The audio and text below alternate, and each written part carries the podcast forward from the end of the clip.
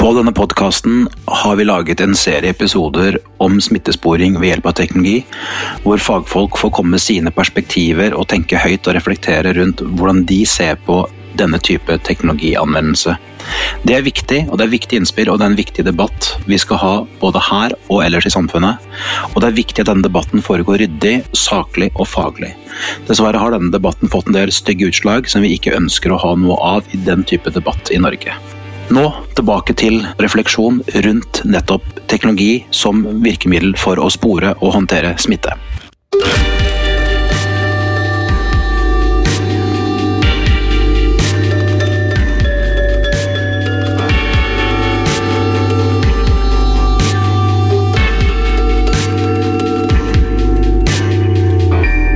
Waterhouse, en podkast fra Rebel. Vi er godt i gang med å snakke om smittesporing. I Norge så er det en app som er lansert av Folkehelseinstituttet og laget av Simula. Og eh, Den har skapt mye debatt, og derfor så er det selvsagt at eh, vi skal eh, snakke med Simula ved Kyrre Lekve.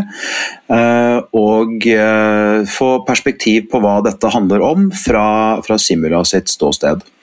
Så velkommen, Kyrre. Kan ikke du si litt om hvem du er og hva Simula er? Ja, jeg er eh, viseadministrerende direktør, som det så fint heter, eller nestleder på det som heter Simula Research Laboratory. Det er en, eh, et aksjeselskap som driver med forskning, eh, undervisning, utdanning, innovasjon innenfor IKT. Holder til på Fornebu, i Bergen og på Oslo OsloMet.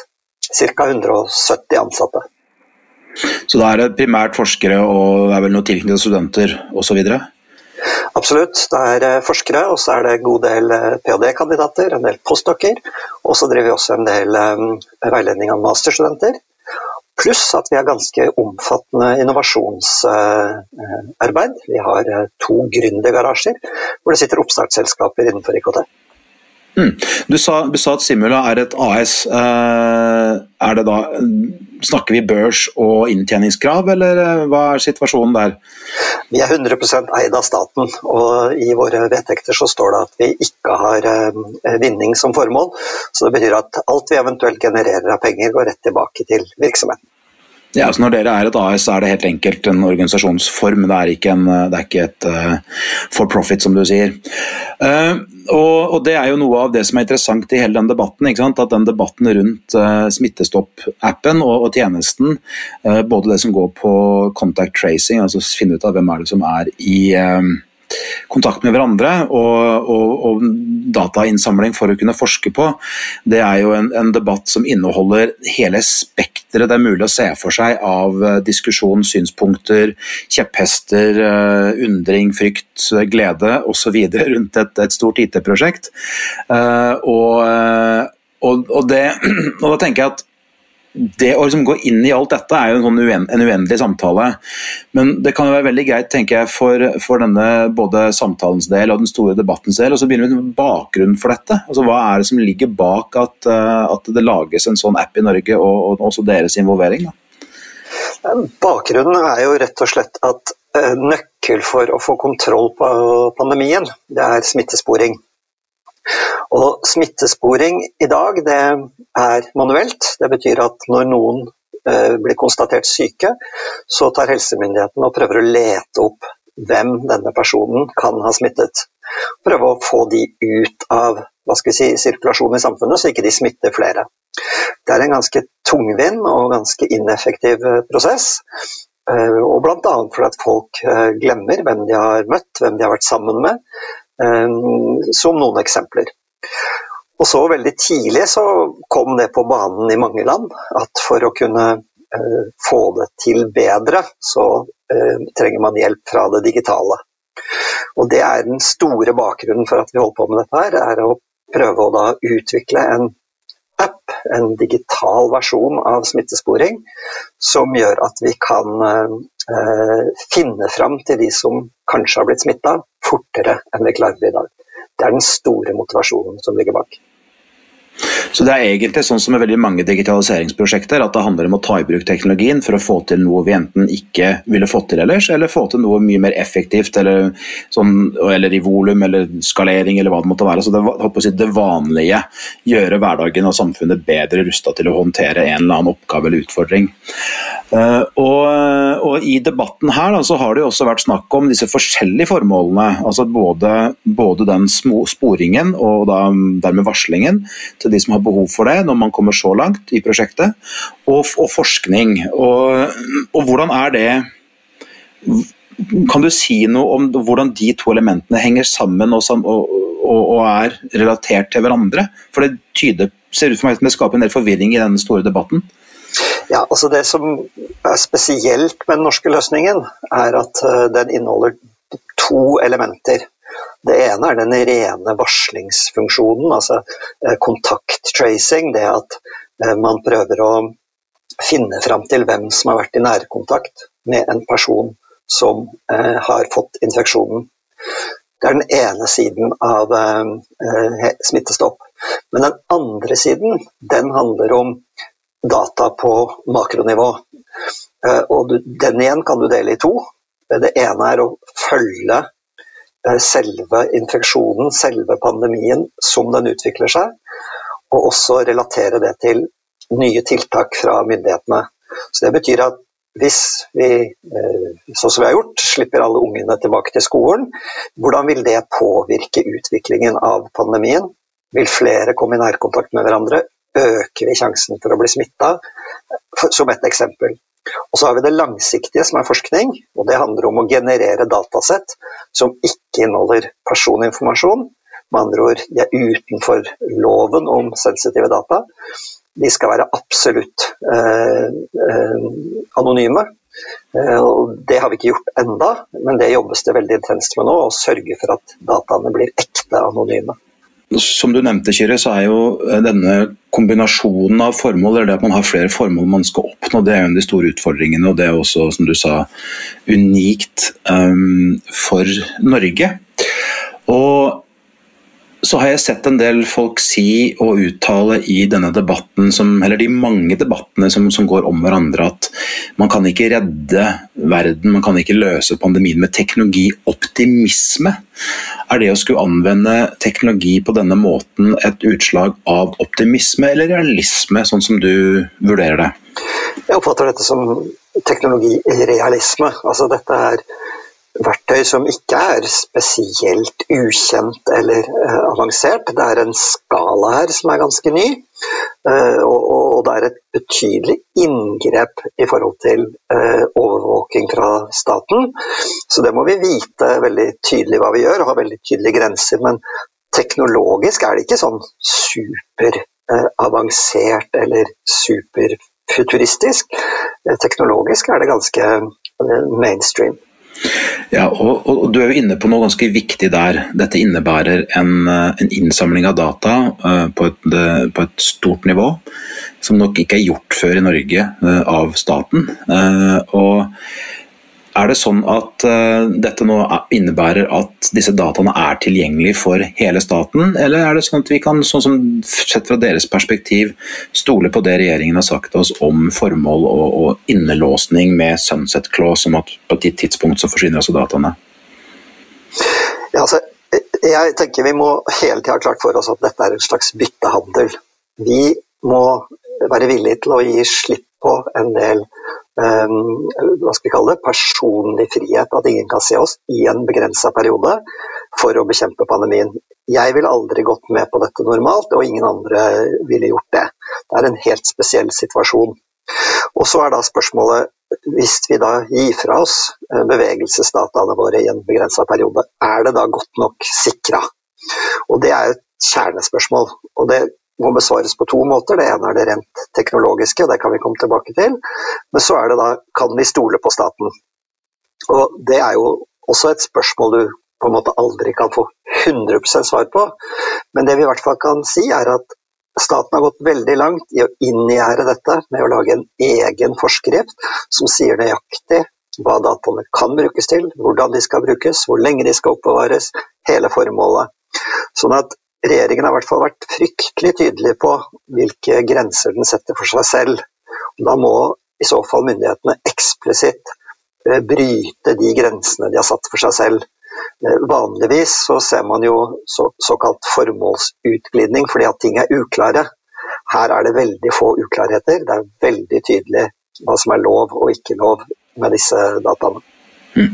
Og, og rent praktisk eh, og teknisk, det er dere, FHI eller regjeringen som tar disse valgene og som gjør kontrollen med, med dataene? Valgene er gjort av eh, regjeringen på rammene for hvordan dette skal gjøres. Og så er det eh, Folkehelseinstituttet som er databehandler. altså Det er de som bestemmer over dataene på vegne av myndighetene. Og Så er eh, Simla bare en databehandler, og vi har en databehandleravtale med Folkehelseinstituttet som sier nøyaktig hva vi kan gjøre, og med navns nevnelse hvem som har tilgang til disse dataene. Ja, altså Det er ikke Simula, det er ansatte i Simula som er godkjent i avtaleverket og som gjør jobben sin deretter? Helt korrekt. Sånn at eh, Jeg f.eks. har ikke noen tilgang til disse dataene. og Heller ikke Olav Lysne, for den saks skyld, som er prosjektleder for det hele. Så dette er spesifikke mennesker som skal gjøre spesifikke oppgaver, og alt skal logges. Har du lyst på tilgang til dataene? Nei takk. Nei, er, jeg har ikke noe inni de dataene å gjøre. Det er må være helt spesifikt knytta til at man skal ha ut spesielle ting, at man skal lage de skriptene som trengs for å få dette til å fungere.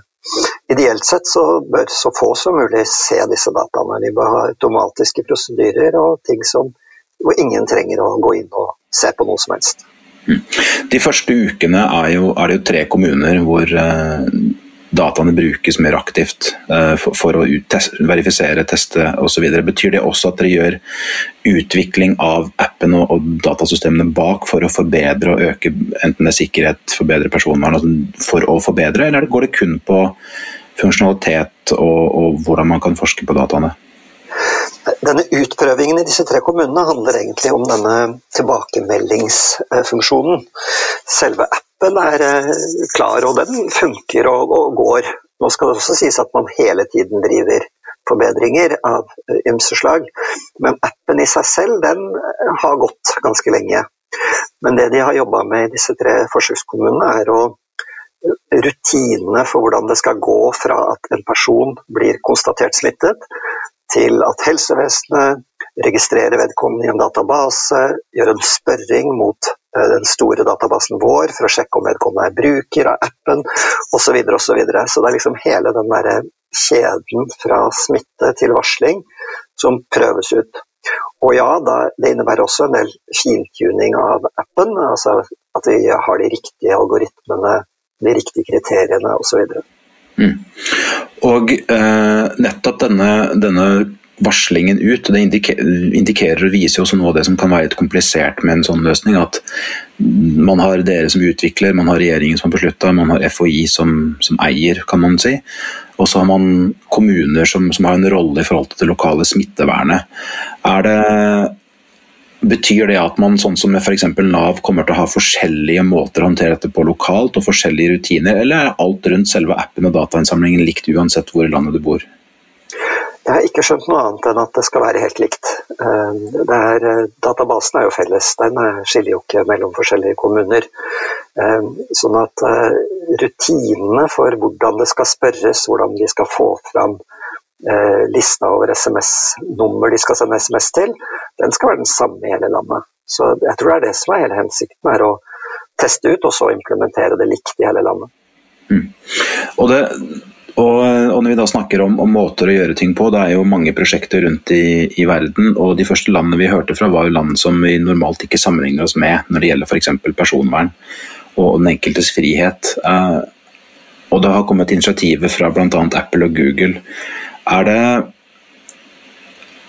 er det sånn at dere i parallell ser på disse internasjonale, eller er det for tidlig og noe som kommer lenger, ned i, altså lenger ut i et utviklingsløp og, og, kanskje lenger ut i pandemiens uh, forløp, når man har mer oversikt og kontroll over den? Nei, Vi har fulgt med på og vurdert veldig mange forskjellige initiativer, og som regel så er det eh, ganske lett å fastslå om dette er interessant eller ikke. Sånn at de som er eh, dypt inngripende, sånn som en del av de asiatiske, de slo vi fra oss med en gang. Det vil ikke passe. Det norske systemet må på en eller annen måte være frivillig. Folk må vite hva de gjør, det må være transparent. Eh, transparent. Eh, og så er også det store valget at vi har disse to funksjonene i samme app. Det innebærer at en del av de rene kontakt-tracing-appene ikke var aktuelle heller. Men den store eh, game changeren i så måte er jo Google og Apple sin API. Eh, fordi at eh, Den store teknologiske utfordringen har jo hele tiden vært Bluetooth-teknologien og, og, måten den er satt opp på, spesielt på iPhoner. Sånn at Da nyhetene først kom om at Google og Apple lagde et felles API, så var vi veldig positive til det. For at det kunne løse denne teknologiske utfordringen og gjøre Eh, hele kontaktsporingen mer effektiv og presis. Nå ser det ut som at eh, Google og Apple har sagt at de ikke lar denne API-en kunne kombineres med eh, sentralt dataregister. Og da har vi en utfordring med den norske løsningen som innebærer det. Betyr det i praksis, sånn som det ser ut for dere nå, at eh, enten så fortsetter man som før, altså sånn tjenesten er utvikla nå, eller at man må gjøre betydelige endringer hvis man skal ta i bruk den, det API og den funksjonaliteten Google og Apple legger inn i iOS og Android? Det er for tidlig å konkludere. Ehm, vi undersøker hvordan dette fungerer, ser hvilke muligheter og begrensninger som både ligger i API i seg selv og i Eh, organisasjonen rundt det. Eh, vi vet jo også at det er flere land som har eh, utfordra Google og Apple på disse reglene. Det er andre land som også ønsker å samle inn data. Det gjelder f.eks. England, det gjelder Frankrike har jo også gått i rette med Google og Apple sine regler. For Det er et paradoks at det er sjefene i Apple og Google som skal bestemme hvordan vi skal organisere Eh, smittesporing i det enkelte land, det er en litt spesiell situasjon, spør du meg. Ja, og Det er en veldig interessant dimensjon i dette. Altså Hvordan vi eh, gjennom den for så vidt ganske avanserte teknologianvendelsen vi har i vårt samfunn, både tydelig definerer teknologibruken med våre egne verdier, eget lovverk, egen mål, motivasjon osv. Og, og langt på vei basert på den sterke privatøkonomien i Norge som gjør at alle, alle i hermetegn har avansert utstyr. Samtidig som det er uh, utenfor vår kontroll hvordan det utstyret og programvaren som kjører på det, altså i tilfellet her iOS og Android, Eh, fungerer, og hvordan det utvikles videre. Sånn at uh, selv om man liker å tenke at den norske staten har mye makt og har mye penger og kan nærmest få det som den vil, så er det likevel, som du sier, beslutningstagerne i selskaper som Apple og Google som faktisk setter rammene for hva man kan gjøre. Ja, og Det er et paradoks. Eh, men jeg har lyst til å trekke fram en ting til som er viktig med Norge. altså I tillegg til den teknologipenetreringen, at alle har avansert eh, avanserte telefoner og veldig mange andre dingser og god nettilgang og alt dette her, så har vi også et svært avansert samfunn når det gjelder beskyttelse av personvern. Altså det at vi har en kritisk presse, at vi har Datatilsynet, at vi har masse organisasjoner som er opptatt av dette, at vi har en hel haug med privatpersoner som er opptatt av det, gjør at eh, det passer så godt på i Norge at forholdene ligger veldig godt til rette for å i en begrensa tidsperiode gi fra oss noe frihet, og være ganske trygge på at det er under kontroll, og at det blir avslutta når det skal avsluttes. Så Det er den kombinasjonen som gjør at det ligger veldig godt til rette i Norge. Det er veldig mange land jeg mener ikke bør ta i bruk den norske løsningen. Nettopp fordi man ikke har et velregulert demokrati, at man ikke har sterke personverninteresser og myndigheter som passer på. Mm. Og, og, når du er inne på det, så må jeg nesten nevne noe som, som for meg fremstår litt søkt. Um, fordi det har jo vært harselert en del over dette med at man må stole på kongen. Og bare så det ikke skal være noen tvil, dette er jo en forvaltningsteknisk sak. At det er kongen i statsråd som bestemmer. Det har jo ingenting med kongen å gjøre. Nei. Det var en spøkefull bemerkning i et DN-intervju som har levd sitt liv videre, og det er jeg helt komfortabel med.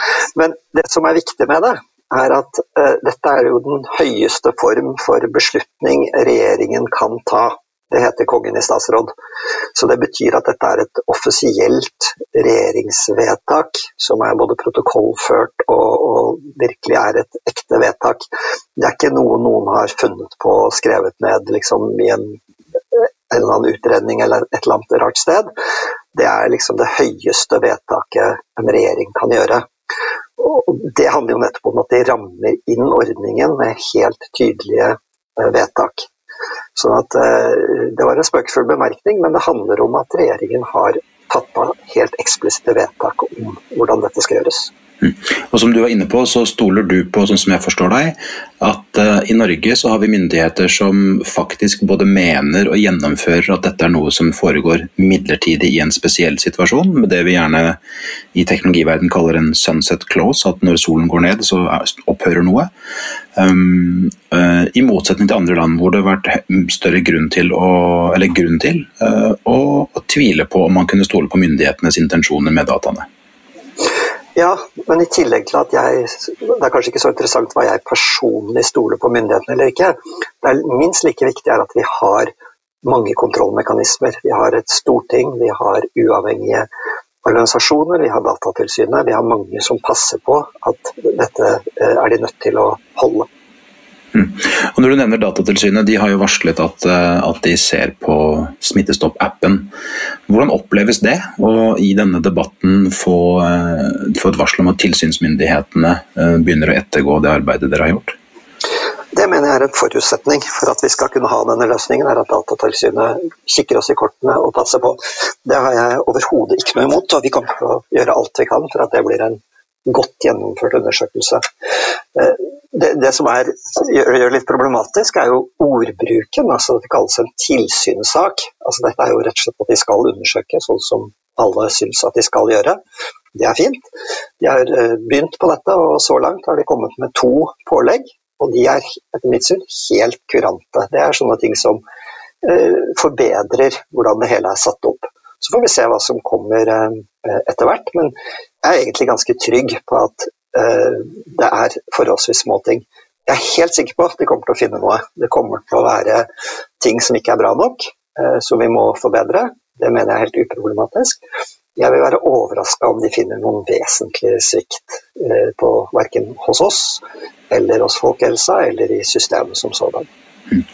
Gitt det du sier om at du, du, tenker de kommer til å finne og fortsatt allerede har påpekt noe som er, dette, er det mulig å gjøre noen refleksjoner rundt om dette handler om den enorme mm, hastigheten dette har måttet gå i, uh, og som ikke ville vært der i en normal situasjon, eller er det typisk sånn at man i store prosjekter må regne med at det er noe som man som de som gjør en uavhengig vurdering, tenker annerledes om enn det man har gjort i utviklingsløpet? Jeg tror kanskje det siste. Eh, ja, det har gått fort, men det er ikke sånn at vi ikke har tid til å tenke gjennom disse tingene, og det har vi tenkt fra starten av. Så her har man forsøkt å, å, gjøre ting riktig helt fra starten. Og vi ser jo de to påpekningene de har gjort, er eh, på et ganske detaljnivå. Eh, det er ikke veldig alvorlig. Det er en presisering i det første tilfellet. Og det andre tilfellet handler det om rekkefølgen på dokumenter som sendes inn, men de dokumentene fantes. Så at Eh, jeg tror det er nesten uunngåelig i et såpass stort og komplekst prosjekt at eh, Datatilsynet ikke finner noe de ønsker at skal bli bedre. Mm. Jeg har jo tenkt eh, på, eller med en gang jeg så de, de sa de skulle se på, så tenkte jeg på det Erna Solberg, statsministeren, sa på pressekonferansen at PST hadde vurdert det var greit at hun brukte appen. Så jeg har liksom i mitt hode ser for meg hvordan, hvordan Datatilsynet vurderer PSTs vurderinger, som en sånn litt morsom sidesak her. Um, så får vi se hvor det ender hen. Men uh, det har vært skjedd mye, det går fort, uh, ting endrer seg hver dag. Det er jo nesten Jeg, har prøvd å komme på et annet uh, stort IT-prosjekt hvor alt rundt i verden, debatten, pågående debatten osv. endrer seg så mye fra dag til dag som det gjør, og det er kobla så mye til folks liv som det er, og ikke klart å komme opp med noe. Um, Tenker du at altså, Er vi der nå at dette kommer til å fortsette, tror du, eller, eller er vi i ferd med å gli inn i en litt annen fase rundt denne smittesporings... Ikke bare i Norge, men i Norge, da, Smittestopp-appen? Vi er et veldig spesielt sted nå, fordi at eh, det har gått ekstremt bra å kontrollere epidemien i Norge. Så nå er det i praksis nesten ingen som blir eh, smitta. Det er nesten ingen som blir syke, det er nesten ingen som dør. Det betyr at akkurat nå er det jo ikke noe bruk for smittestopp. Og måtte det forbli sånn. Altså Hvis vi på slutten av året får kritikk på at nå har vi sølt bort mange millioner på å lage noe som var helt unødvendig, ingenting er bedre enn det. Hvis vi kan slippe å bruke smittestopp, hvis vi har klart å kontrollere og vi klarer å slippe opp samfunnet igjen, komme i gang uten at vi får en ny oppblomstring av epidemien, ingenting er bedre enn det. Men dessverre så tror ikke jeg det kommer til å gå sånn. Jeg er ganske sikker på at nå når vi eh, begynner å møte hverandre igjen, når vi begynner å feire 17. mai, når vi begynner å eh, møtes på kafeer, i arbeidslivet, sitte trangere på busser, så kommer vi til å få en ny oppblomstring. Det er der eh, appen kan bli viktig. Akkurat nå er den ikke viktig, og derfor eh, blir ikke folk mobilisert til å ta den i bruk. De skjønner ikke hvorfor de skal ha den. Så det er først når vi kommer i en situasjon hvor smitten begynner å stige igjen, at appen blir eh, interessant igjen. Og da må vi jo kunne demonstrere at den er nyttig. Nå er det veldig vanskelig, for det er så å si ingen som blir smitta. Derfor er det veldig få som både bruker appen og har blitt smitta. Det er bare et par stykker så langt i testkommunene. Mm. Og Det er jo som du sier, det er jo det beste utfallet. At den blir overflødig. Man er enig med at man, det, det viser seg etter at man ikke trengte å gjøre noe sånt.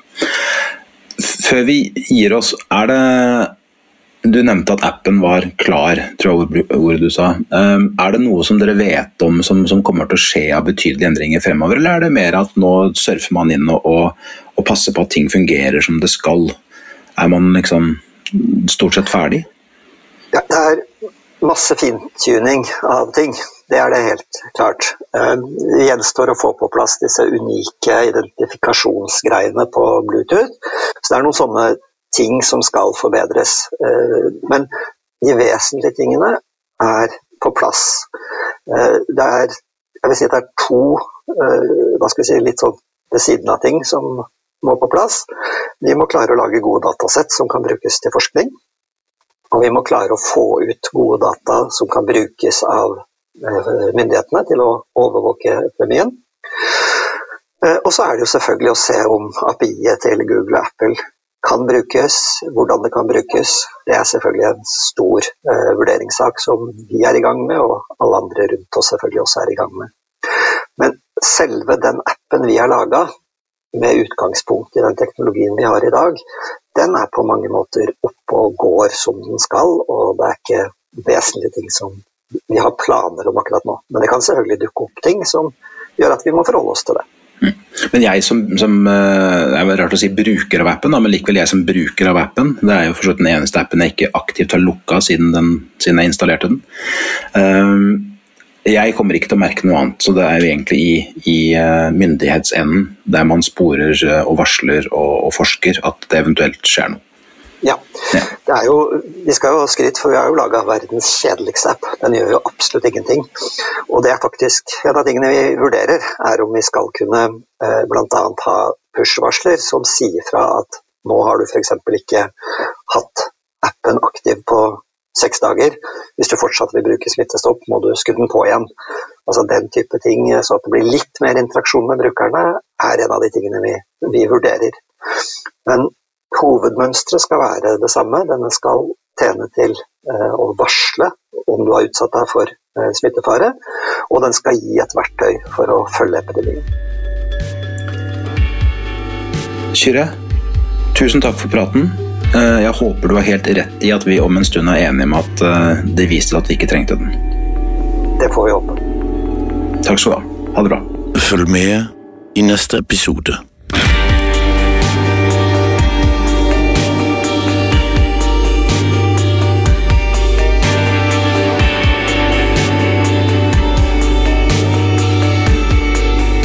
For at du hørte på podkasten Waterhouse. Vi kommer tilbake. Vi skal lage mange flere episoder med mennesker som har tanker om og følelser for og visjoner om hva vi skal få til med teknologi.